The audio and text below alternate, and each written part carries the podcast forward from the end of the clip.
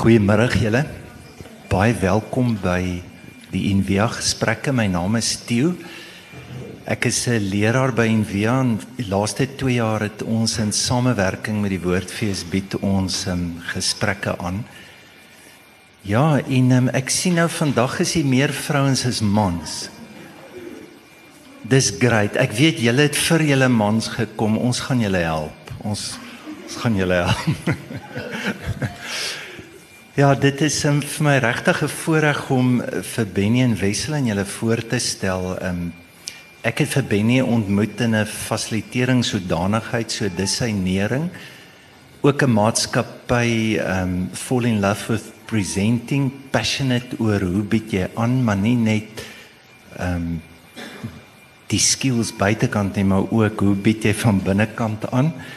So Benny het ook um, gister uit Australië teruggekom. So hy vlieg die hele wêreld vol met sy besigheid en goed Benny is great om vir jou hier te hê. Dankie. Benny bly nou in Durbanville. So Benny, jy kan vir Stellenbosch sê net wat jy wil. Jy's veilig. Jy waai vandag.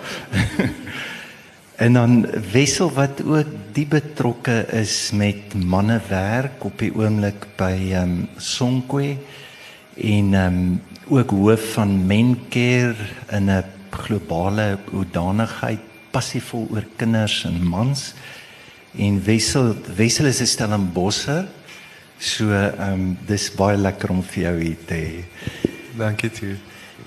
Ehm um, ja, ons gesprek is die verwonding en die heling van mans en ehm um, kom ons kom ons begin miskien net wat is 'n man? exactly. ek dink dis een van daai goed wat wat wat nie net waaroor mense net kan boeke skryf nie, maar waaroor boeke al geskryf is. Dis soos liefde. Dit's bietjie moeilik om te verwerk. Jy weet so tipe van as jy 'n man het en jy weet wanneer jy nie een het nie, maar niemand kan regtig lekker die lyne definieer nie. So ek dink dit is dalk makliker om te praat oor wat 'n man nie is nie. Mm, en, okay, ons gaan ons gaan naby kom. So vir my is dit meer soos 'n die die hele definisie van man wees alles verander. Right? Ek dink enigiemand weet meer waartoe so pad is en wat werk en wat werk nie. Hoe meer ons probeer die vuur doodgooi aan die kant, hoe meer begin hy brand aan die ander kant. So dit is soos die Engelse sê 'n bietjie van 'n confusing besigheid. Ehm um, so dis ek weet nie. Weet enigiemand anders dalk? Wissel wissel gender. Jy werk met dit. Asseblief help ons gee net vir ons 'n definisie. Ehm um, Tio, ek dink jy het jou jy weet jy, jy slaan die spyker op die kop. Die dit dit kom neer op gender, dit kom neer op die verhouding tussen ehm um, manlikheid en vroulikheid. En ek wil ook net byvoeg dat vir my is daar nie een definisie van man wees nie. Ehm um, dis iets wat dinamies is wat die hele tyd ontwikkel word en daar is die die heel bekendste boek oor die oor die onderwerp is manlikhede, is die masculinities, Bob Connell is die boek se naam. En dat ons in 'n tyd lewe waar die definisies nie meer so vas is soos wat hulle was nie. Ehm um, en die verantwoordelikheid nou oorgeskuif het na ons om dit te herontwerp in elke enkele oomblik. Die vraag van wat beteken 'n man is iets wat ek elke oggend vir myself moet vra. Kan ek byvoeg ja. daar? So wat dit wat dit vir my bring is ek dink ons begin wegbeweeg van die die die rol wat die man definieer. Mans het sekere rolle gehad mm. tot nou toe en nou is mm. daar die rolle is nou nie meer so definitief soos wat dit was nie. So ek dink dit is tyd dat ons begin beweeg van um, wegbeweeg van rolle wat mans definieer en vir mans om te begin identifiseer met die met die man as 'n die Engelse woord is 'n archetype of archetype. In plaas van om ek is 'n man omdat wat ek doen dink ek is is besig om is is is oudtyds en beweeg okay. na ek is 'n man want ek is want ek antwoord daai vraag elke Dankie. dag vir myself. Dankie, dis verhelderend. Kom ons vra ehm um, as ons sê eh, is dit moeilik om 'n woord te kry noem dit 'n volwasse man of 'n mature man. So ek dink nou aan Paulus se woorde wat sê toe ek 'n kind was het ek gedink soos een geredeneer soos een so hy het 'n redelike idee dat daar 'n evolusie moet plaasvind na wat ons nou verstaan as 'n man. Wat wat sou vir julle wees hoe lyk 'n mature man? Ek ek dink net om aan te sluit by wat Benny nou-nou gesê het. Ehm um, ek dink dit is ook baie waardevol om weg te beweeg van die taal van rolle. Ehm um, ek is tans op die eet en ek hoop van my rolle gaan bietjie verminder raak of 'n paar rolletjies. Ehm um, so maar ek dink die die beweging na die identiteit is 'n baie belangrike uh, vraag van wat is my identiteit en hoe kan my manlikheid of die gender wat ek mee identifiseer my identiteit versterk en en en en meer uitbring. So ek dink wat ja, dit dit is dit is ek wou net 'n aanmerking gemaak het op wat Benny nou nou gesê het. E enige iets by wat is 'n mature man? Jy weet wat So ek ek let op in die gehoor hier is mans van verskillende ouderdomme. En ek dink wel ek is in eerste plek bly dat jonger mans lyk my belangstel in die gesprek en hopelik sal deel vorm van 'n wyeer gesprek buitekant hierdie forum self. So ons het gepraat en ek weet ons gaan later praat oor die woord dat niemand oor wil praat nie van initiations. Want inisiasie vir die meeste mense is ek reg inisiasie bring 'n onlekker konnektasie. Dis wat Kosa mans doen in die bos inisiasie. Kom ons praat hier oor sulke goed en ja, ek sien ek sien die enigste een hier hè. So ek dink die die hele vir my die grootste verskil tussen 'n volwasse man en een wat ek sou sê nie volwasse nie, onafhangende van ouderdom is die bereidwilligheid om verantwoordelikheid te aanvaar vir self. En dit beteken ek hou op van die vingertjie wys na jou en my partner en my man of my vrou of die regering of my buurman of my ekspartner en ek begin verantwoordelikheid neem vir myself, my eie optrede, my eie emosionele, nie net my eie emosionele welstand nie, maar ook hoe ek jou emosioneel beïnvloed in my verhouding met jou.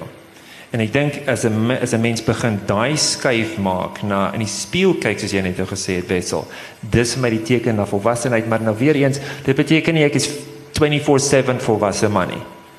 Okay, dit is 'n ideaal wat ek dink onwerklik is en wat ons wat ons nie gaan help in die hele proses nie. Om ook te besef deel van menswees is ook as 'n volwasse man om soms totaal onvolwasse te wees. Mm. Onbewustelik of bewustelik vir die idee van net pret hê of speel of soos 'n kind wees jouself geniet. Okay. Is dit um, net net ek dink dis presies wat ek wou gesê het, die die tema van verantwoordelikheid en vir my is die woord responsible en verantwoordelik baie mooi want dit dit vertaal direk I am able to respond. Ek is daar ek is in staat om 'n antwoord te bied. So vir my is die feit die die die die feit dat 'n mens verantwoordelikheid neem beteken jy kan jy kan antwoord oor jouself jy kan jou stem gebruik om jouself uit te druk. En ehm um, ek dink dit is definitief 'n 'n 'n daar's 'n lyn waaroor 'n mens streef wat jy dit al hoe meer doen. Hmm. En ek sal dit assosieer met met meer van 'n volwasse optrede. Ek hoop om dit eendag te bereik in die verre toekoms. ons gaan jou Ons hoop saam met jou. kan ek vra wat nie, is nie vir jou nie, skuis dit klink baie patron. Dankie. Wou jy nog iets gesê? Ja, ek wil iets ja. byvoeg. Ek dink daar is 'n ander deel van verantwoordelikheid wees ook. Die deel wat ek gebruik het is ophou ander mense blameer of self blameer en te begin verantwoordelikheid neem vir soos ek sê vir wie ek is. Die ander gedeelte van verantwoordelikheid neem is om te besluit wie wil ek wees in hierdie lewenstyd? Wat is dit wat ek wil bereik en op te hou wag vir iemand anders om my of die toestemming te gee of soos die Engels sê die means te gee om dit te doen, maar te besef dit is dit is ek wat my eie potjie moet krap in hierdie lewe te besluit wie ek wil wees en te doen whatever ek moet doen sodat ek kan bereik wat ek sê wat ek wil bereik. Hmm. Is daar iets soos 'n midlife? En ons weet dit Freud en Jung het die terme gepopulariseer. En as daar so iets is, wat is dit? 'n Praat jy van midlife crisis of net ja, midlife? Midlife. midlife. So ja, ek dink dit is 'n uh, ehm um, ek weet nie die Afrikaanse woord nie, rites of passage. Verstaan mense wat the rites of passage is? So ek dink midlife midlife crisis is 'n geleentheid vir transformasie vir verandering. Die dilemma dink ek met midlife crisis is omdat dit nie in dieselfde boksie kom vir almal nie. Herken mense dit nie vir wat dit is nie. En die eerste uitkoms is gewoonlik omdat mense nie verstaan wat dit is nie of as hulle verstaan nie weet hoe om dit te hanteer nie, is of na die eerste borrelstoer toe of na die dokter toe vir 'n borreltjie van 'n ander soort wat die hele ding net verdoof en dan hoop ons nou maar eendag sal ek van die pille afkom of minder drink en al sal net miraculously van self beter wees wat ons almal weet gebeur nie. So ek dink ek dink dit kom, ek dink dit kom jonger. Ek weet nie hoeveel ek al gehad het in hierdie leeftyd nie. Ek is 48. Ehm um, ek dink dit is vir mans en vir vrouens en ek dink dit kom wanneer mense wat hierdie ideale gehad het soos die groot huis en die kar en die hond en die swembad en vroue en kinders en alles dit bereik en besef that wasn't it. Daar's nog steeds 'n 'n leemte 'n 'n want hulle soek van buite af of wanneer al daai drome hulle besef ek is nou so oud dit gaan nooit meer gebeur nie. enige van daai twee natuurlik enigiets tussenin 'n skielike um, word afgelê by die werk of 'n skielike verhouding wat verbreek uh, onverwags enige van daai goed skep die geleentheid vir inner transformasie en wanneer ons begin verander aan die binnekant dit is wanneer goed kan verander aan die buitekant Daar het so 'n jaar of twee 'n boekie uitgekom met die naam Sharper Edges deur and Andrew de Klerk, Andy de Klerk. Hy is een van die groot bergklimmers in Suid-Afrika. En een van die goed wat hy gesê het is the only thing you find on top of a mountain is yourself. Hmm. En ek dink dit is daai punt van jy het nou bereik hierdie wonderlike doelwitte wat jy geskep het tot 'n sekere mate of nie. En hier staan jy en al wat jy vind is jouself. Ek dink wat wat vir my interessant is is hoe manlikheid verbonde is aan die die konteks rondom die individu. So wat Benny nou gepraat het van die huis en die karre en die kinders en die die tipiese materiële konteks wat ons skep, maar selfs nog breër as dit of dieper as dit. Ons ons lewe in 'n in 'n samelewing waar die waarde aan die materiële baie baie baie belangrik geword het, maar nie net dit nie. Ek dink ons daar was is daar was definitief 'n ehm um, dit is nie toevallig nie. Ehm um, veral in Suid-Afrika, uh die die die feit dat ons hierso sit en hierdie gesprek kan hê, het 'n prys gehad. En ek dink veral vir mans wat tradisioneel in die rol is van die broodwenner of die om dit nou direkte om anglisisme te gebruik. Ehm um, is daar hierdie verwantskap tussen geld en manlikheid wat jou op 'n punt laat besef maar daar's iets wat afwesig is. Ehm um, en die punt wat ek probeer maak is dat daai verhouding nie toevallig is nie. Dit dien die dollar of dit hmm. dien die mark om mans te posisioneer as die broodwenner en vrouens te posisioneer as die een in die huishouding wat verniet sonder betaling na kinders kyk. Hmm. Ons het gister nou gepraat oor bende geweld en een van die groot goed wat wat uitgekom het is die afwesigheid van vaders. Daar is net nie vaderfigure nie. En nou lees jy die term 'n father hunger en wat ek nou ook by jou hoor, jy weet so wat is 'n father hunger? Wat wat doen die afwesigheid van paas aan man se sieges? Ehm um, so die skielik as ek kan inspring daar by nie. Ehm um, in Suid-Afrika, ek weet nie of almal dit weet nie, maar 3 uit 4 kinders se pa woon nie in die huis saam met hulle nie. Dis dis maklike drie kwart. Ehm um, en weer eens dit is nie toevallig nie, dit is oor die geskiedenis van die land, die mynwese, die trekarbeidstelsel, maar ook die feit dat 'n vrou lewe met 'n swangerskap en 'n man kan verdwyn oor die bult. Ehm um, dis makliker om nie verantwoordelikheid te neem nie. Ehm um, so dis 'n massiewe probleem en dis 'n sistemiese probleem. Ek dink die persoonlike ervaring van van 'n vaderhanger is gedefinieer as vaderhanger omdat mans meestal afwesig is. Maar dis eintlik parent hunger of caregiving hunger.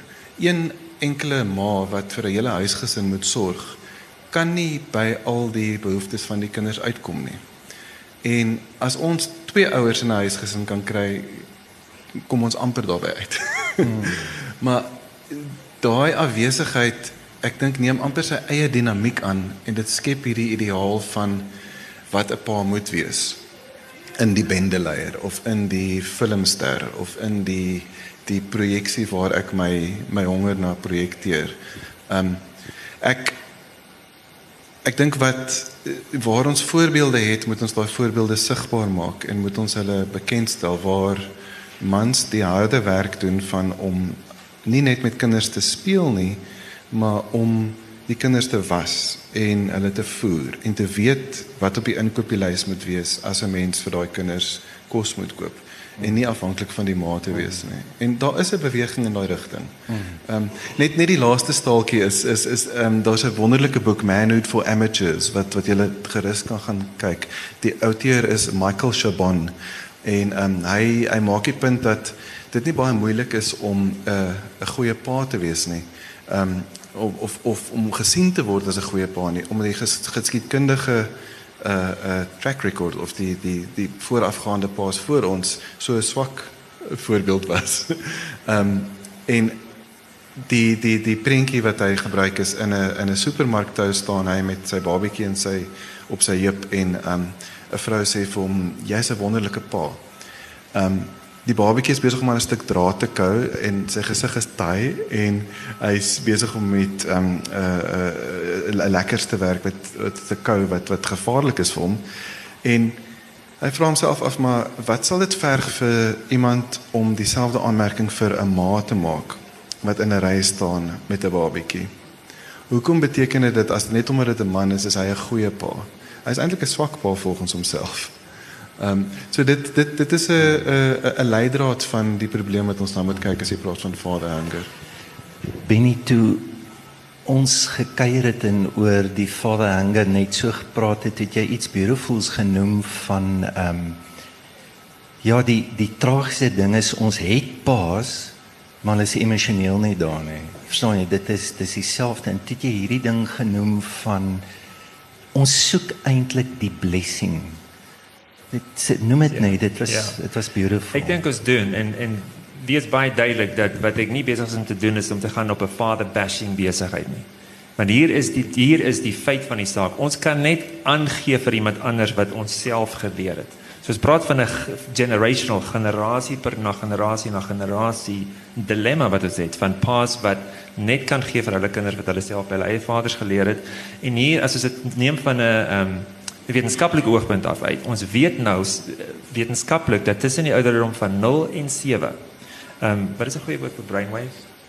Brainwaves. brainwaves. brainwaves. Ons kinders se brainwaves is in delta en theta states. Dit is 'n uh, hulle noem dit 'n hypnagogic state. Dit is half onder hipnose en alles gaan net in. Die dilemma is nie net vaders wat nie daar is om te bless nie, alhoewel dit is deel van die probleem. Die probleem is ook watter lesse kinders neem van die pa wat nie daar is nie.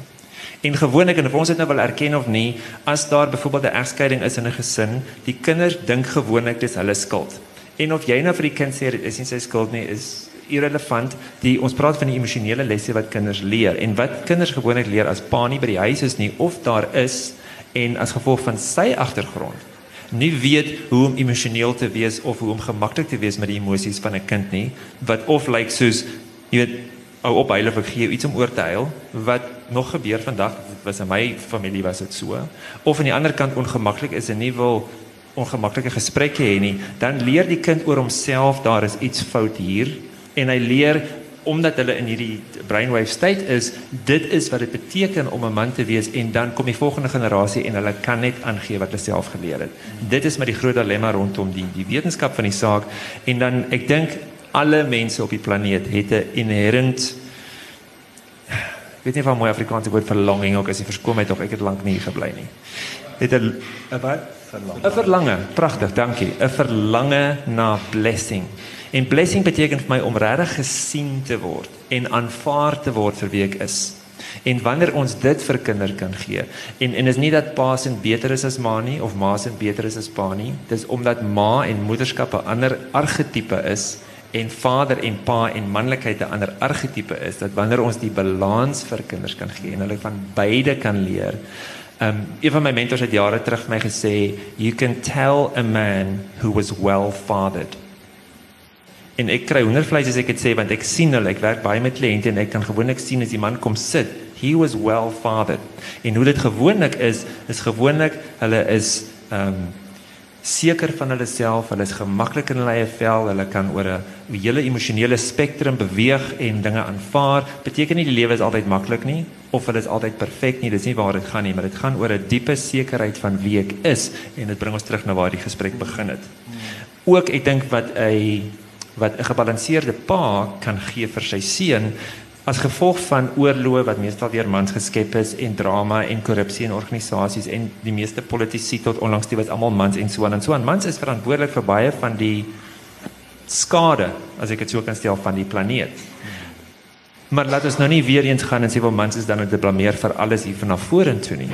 As 'n pa vir 'n seun kan bless nie net omdat hy perfek is of sy kreatiwiteit of sy intelligensie of sy speelvolheid kan bless nie, maar ook bless hom as 'n man dan het hy nie nodig om sy manlikheid te probeer bewys deur of vrouens te onderdruk of te verkrag of geld te steel of 'n uh, skelm wie ever te wees nie.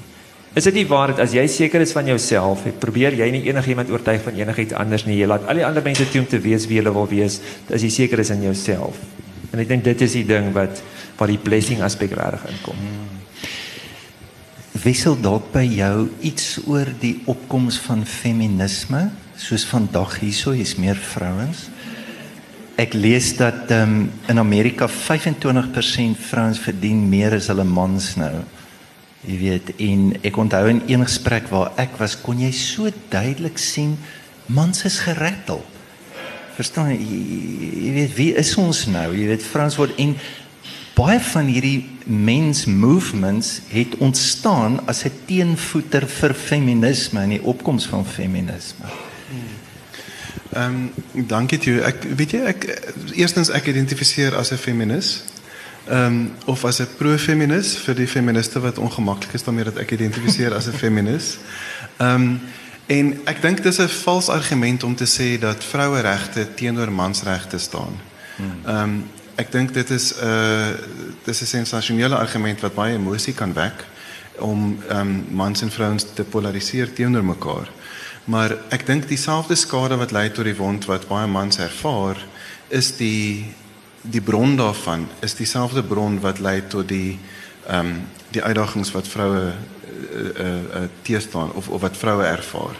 Ehm um, ek dink en en weer eens dit is nie toevallig nie. Dit is 'n uh, daar is 'n uh, ehm um, feminisme is nie ek ek dink net om baie duidelik te wees soos wat ek gesê het manlikhede ehm um, is is in die meervoud is feminisme is daar feminisme as ek nou in Afrikaans moet sê die Engelse boek is feminisms ehm um, die eerste golf van feminisme was baie sterk die suffragettes om vrouens in die werkplek in te kry. Die tweede golf was ons haat mans. Ons is nou op 'n punt wat ons saam kan werk aan transformasie. En ek dink net een punt wat wat wat baie belangrik is in die kontemporêre uh uh gesprek oor feminisme is dat mense seksuele oriëntasie of jy gay is en of jy straight is is nie maklik hand in handskoen gepas met jou genderidentifikasie of jy 'n man of 'n vrou is nie. Daar is baie gay mans wat baie macho is, wat baie sterk is, wat baie manlik vertoon. En daar is baie stryd mans wat sogenaamd vroulik voorkom. En ek dink dis dis dis dis nodig vir ons om bietjie onsself te uit te daag en verder te dink as die polariteite van ek is of 'n sterk man of ek is gay. Ja. Of ek is of vir vroueregte of ek is vir man mansregte. Dieselfde onderliggende argument dat ons meer breër moet dink en moet dink aan transformasie van nie net beide nie, maar alle posisionerings. En dis moeilik want dit beteken so ek is byvoorbeeld Ehm um, ek het dit te laat besef, maar ek is teleurgestel dat daar nie 'n vrou in hierdie gesprek is nie. Dit sou baie belangrik vir my gewees het om 'n vrou in die gesprek oor manlikheid te hê. So volgende jaar as ons dit weer doen, moet ons seker maak dit nie net mans is wat oor manlikheid praat nie. Ek is jammer. of ten minste ten minste ekstern. Ehm um, so ek dink die feminisme is 'n is volgens my 'n 'n helende respons hmm. op die probleem dit voeg nie by tot die probleem nie. Dit voeg 'n oplossing toe. Kom. Kom ons terug na midlife toe. Ek wou eintlik gehad het julle moet sê hulle dra by tot ons midlife, so dis nie dit nie. Ehm um, Ja, wat ek hoor julle sê ons almal lewe met hierdie sprokies, nê. Nee. Ons gaan vroeg aftree, ons gaan ryk word, ons gaan toer en ons gaan onsself word, maar nou weet ons dit gebeur nie en daai ontnigtering, daai pyn, wat wat doen ons? Jy weet hoe help jy 'n man om deure te gaan? Nou ek lees nou die dag 'n artikel van Elliot Jacques wat eintlik die term gekoin het nadat hy was 'n fenominale konsultant, besigheidskonsultant en toevallig op 48 toe besef hy maar iets is fout met hom en dis jy weet dis hoe sy reis begin het. Maar hy het gepraat van hy het altyd sê jy jy, jy gaan twee keer doodgaan. As jy net een keer doodgaan, gaan dit sleg vir jou uitdraai. En en ek verstaan dit in die konteks van doodgaan vir al hierdie fantasieë en onrealistiese goed wat ons verwagtinge wat ons het van hoe die lewe is. So hoe help ons? Wat doen ons in julle albei? En raak nou prakties want ek weet julle albei is die betrokke by lewensoorgang en om mans te help. So ek wil net herhaal wat ek in die begin gesê het. Ek dink dit is absoluut essensieel belangrik vir almal van ons om doelwitte te hê.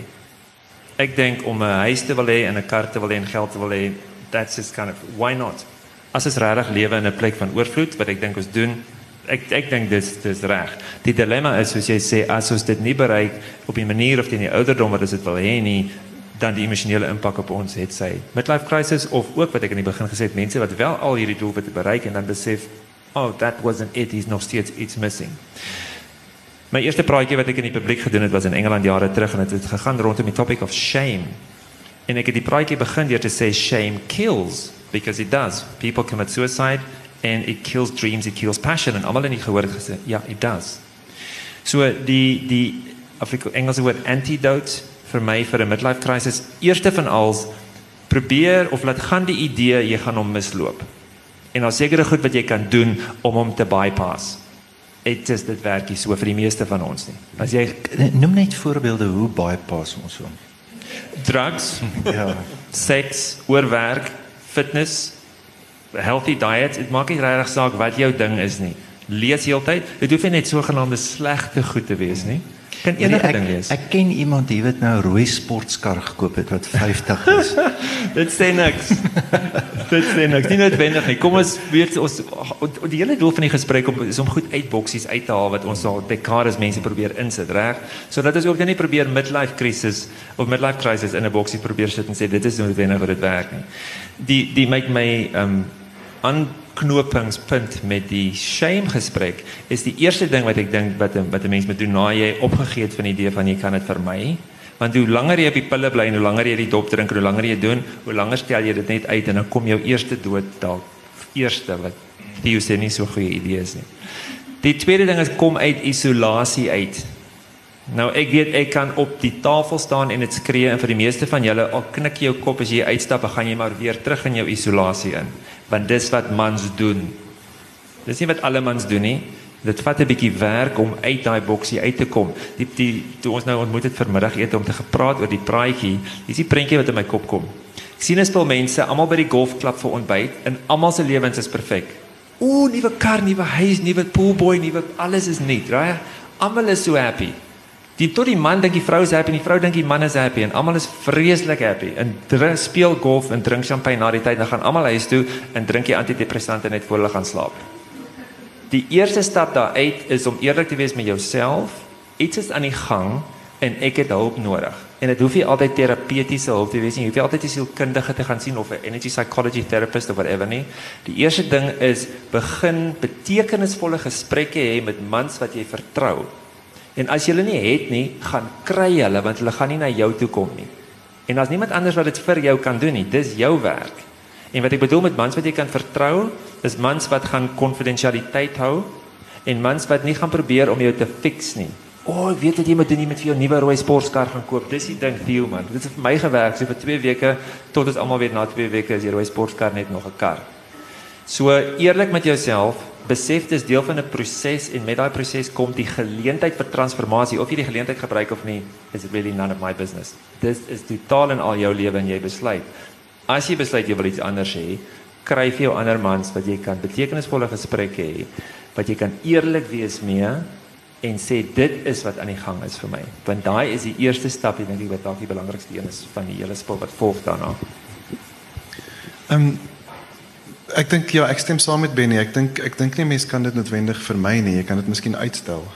Ehm um, maar dit gaan uiteindelik gebeur. Miskien naby die twee dode dat dit meer vir dit gaan naby aan mekaar gebeur as jy dit lank genoeg kan uitstel. Ehm um, ek dink my raad presies uh, my raad aan myself sal wees gryp dit aan en gaan daardeur. Ehm um, erken dit vir wat dit is en ek ek ek dink dis ek ek ek, ek glo vas dat oorgangsoomblikke soos dit gesond en nodig is. Dit is nie 'n probleem om te vermy nie. Dit is 'n dit is 'n mylpaal om te bereik. Ehm um, daar's 'n boek ehm um, deur 'n ou met die naam van Bernard Lievegoed wat hy sê in die 40's is jy regtig jy jy kom terug na jou liggaam en jy moet die feit erken dat jou liggaam nie meer kan doen wat jou liggaam kon toe jy 20 of 17 was nie. En dit het 'n diep sielkundige impak op 'n mens dat jy besef maar jou tyd raak min. Hmm. Al is dit in jou 40's en jy het nog 40 of 50 jaar om te lewe. Ehm um, so ek sal definitief sê besef waar jy is, probeer daardeur gaan. Ek sal toevoeg tot tot wat Benny gesê het van om betekenisvolle gesprekke met ander mans te hê, ook met ander vrouens. Ehm um, ek ek ek het baie lesse geleer by baie wyse vroue in my lewe. Ehm um, en ek dink vir maar maar spesifiek 'n gesprek oor die krisis en oor manlikheid. Ehm um, ek dink die, die die laaste punt wat ek wil sê is net om te besef die voorregte wat ons geniet. Want 'n ding van mag, manlike mag, finansiële mag of voorregting of bevoordiging is soos die rooi sportkar, na rukkie raak dit onsigbaar. Jy geniet dit miskien vir die eerste week of twee, maar dan raak dit onsigbaar totdat dit ontneem word. En eh, 'n goeie voorbeeld is 'n land soos Swede, een van die rykste lande in die wêreld met die hoogste selfmoordsyfer. Waar jy die depressie bereik van materieel het jy alles wat jy voor kan vra. So gevolglik herhaal ek wat ek sê dat dit 'n goeie ding is dat daar 'n punt is wat jy besef iets is afwesig, maar ook miskien om van jou voorregte ontneem of in kontak te kom met en my mees onlangse ervaring van my voorregte wat ontneem was was om twee kinders te hê in vergelyking met een kind of met geen kinders nie. En ewe skielik het baie van die voorregte wat ek geniet het is nie meer beskikbaar vir myself nie en ek was baie kwaad geweest daaroor. ek is nog steeds bietjie kwaad daaroor.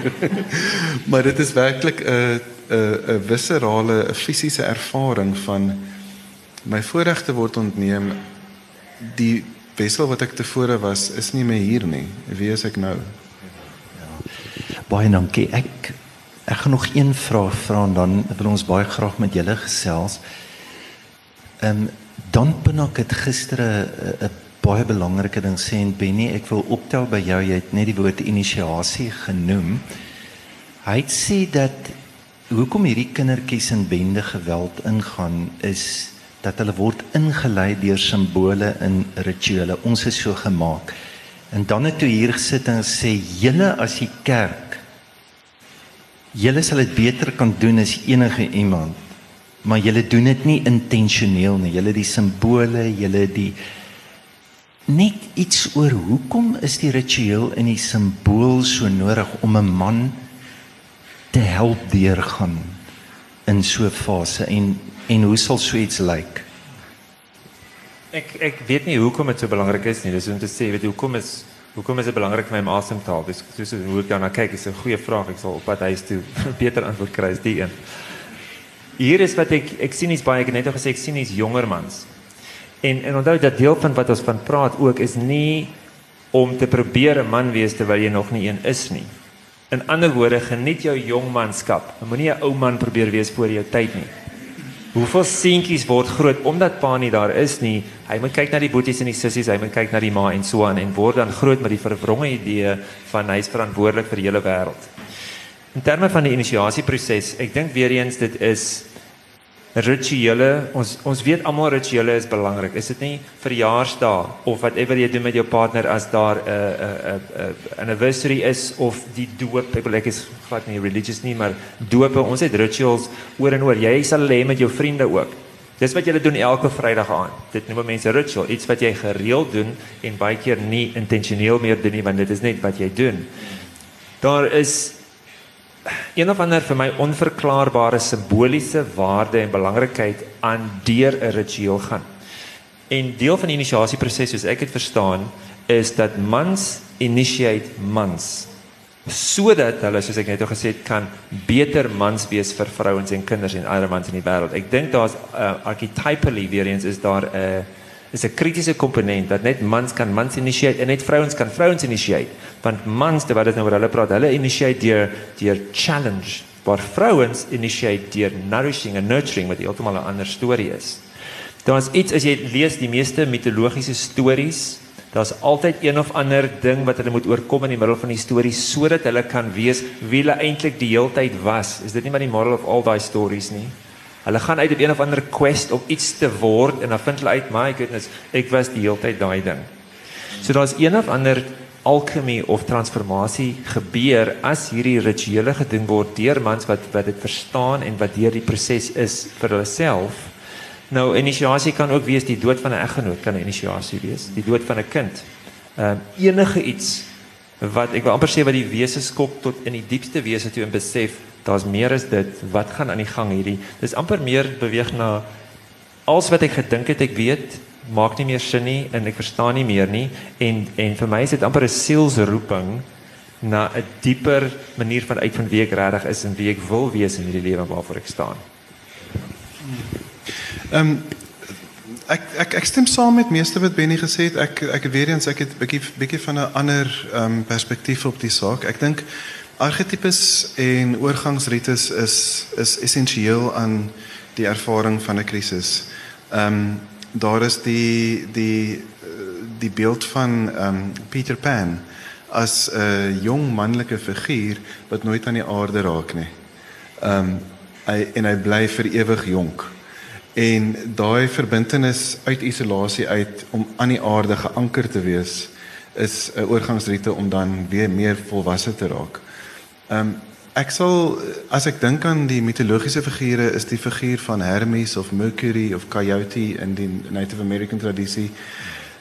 Dis al 'n transfiguur. Dis 'n figuur wat tussen die verskillende ruimtes beweeg. Is vir my miskien meer toepaslik op 'n kontemporêre gesprek waar ek sal sê ek is al deur baie initiations wat deur vroue in my lewe ingebring is. En so weer eens gaan ek die gender prentjie net bietjie verbreek en sê ek ek dink vrouens kan mans initiate en mans kan vrouens initiate. En weer eens ons moet bietjie ek wil bietjie meer breër dink as die essensie van manlikheid of vroulikheid is is gefestig in 'n in 'n spesifieke punt. Ehm um, die wat ek wel uh, baie mee saamstem is die gesprek oor rituele. Ehm um, ons is besig met werk om lyfstraf te bekamp. Ehm um, 'n ligte klapjie op 'n hand is volgens my gewelddadig. Dit is iets wat verkeerd is en dit normaliseer geweld. Dit is iets wat ons moet verbygaan. Ehm um, dis 'n dis 'n gespreksreeks op sy eie. Hoorie ouma, kan ek jou net vra daai teks in die Bybel wat sê jy met die kind maar bietjie met die roede slat? So die vertaling van die roede is nee, ek stem saam. Ek nee, hoorie, ek het net gegrap. Nee nee nee, maar dis maar dis 'n belangrike punt. Kan ek kan ek respond? ja. Okay, so twee twee punte. Daar's baie ander goed in die Bybel. As my buurman sy vleis braaivleis brand, moet ek hom stenig. Byvoorbeeld, as hy die vleis verbrand. Ehm, um, daar's baie ander punte in die Bybel wat ons nie pot toepas nie. Hoekom pas ons daai net toe? Die tweede punt is die etimologie van die woord roede. Is baie nader aan die Psalm van ehm um, thy shepherd staff shall comfort and guide me. Dis die staf wat lei en wat ehm um, die skape nader bring eerder as 'n uh, 'n 'n um as as 'n uh, 'n stok om mee te slaan. Ehm um, daar is wel versies wat sê jy moet jou kind slaan. Ehm um, maar die die die Engelse een van ehm um, spare the rod and spoil the child kom toevallig nie uit die Bybel uit nie. Dit kom uit 'n uit 'n ehm um, uit 'n gedig uit. So dit was nou 'n interessante sy stapie. Ons kan terugkeer daarna toe. Ehm um, maar die punt wat ek probeer maak is dat ek reis baie en ek het nie noodwendig die tyd om ure saam met my kinders te spandeer nie. Ritual is a power tool of connection. Rituele bied 'n geleentheid om 'n diep verbintenis te kultiveer. En ek praat nie van een keer 'n jaar gaan ons op die berg ons dagboeke verbrand nie. Ek praat van elke oggend maak ons vir mekaar tee. En as 'n gesin spandeer ons dan tyd saam. Vir my kinders is dit 'n oomblik van verbintenis wat hulle hele lewe lank gaan bybly. So vir paas wat afwesig is of vir ouers wat afwesig is, as hulle 'n eenvoudige herhalende aktiwiteit kan vind as 'n gesin saam, skep dit 'n diep band vir die res van die kinders se lewe. Een woord wat ek op byvoeg daar is 'n anker. Ja. Baie dankie. Ehm um, Wessel. Benny, dit was ehm um, eers dit was great saam met julle. Ehm um, Ja, dankie ook vir wat julle doen en wat julle vir mense beteken en wat julle inspireer in in ons en ek hoop regtig dat vandag se gesprek dalk net 'n begeerte of 'n behoefte by jou te by jou bring om te dink oor wie ek is en as ons kinders het dat ons nie soos ou arme Jakob die blessing moet steel en dit werk nie maar om regtig met die ware blessing te kan lewe van paas en om daai paas ook te word. Dan môre praat Frida oor vrouekrag en sy se gesprek met professor Denise Ackerman en prof um, Blackie oor weerloosheid en aktivisme by vrouens. Môre sal hier weer net mans wees. Maar vrouens is ook welkom. En uh, Ja, en dan Sondag van die van julle wat sal belangstel, ons sien verskriklik uit daarna. Ons gaan uh ja, dit gaan 'n gesprek wees en dis great great musiek. Ons gaan na Lenet Cohen en uh, Thomas Merton kyk in die ehm um, Viva Cantare koor en Koos van der Merwe kom ook 'n liedjie doen en tyd vat en net dink oor ja, vir al hulle spiritualiteit en waar uit hulle werk en hulle goedgebore is. So dit gaan in die Protea Hotel wees. So julle kan hier steek twee manne of man en man vrou, ek wil nie weer met hom lol nie. Hy het alles, maar julle kan in die soem van hulle klere kom raak en bietjie met hulle praat hier so na die tyd. Baie dankie. Kom ons gee vir hulle lekker hande klap.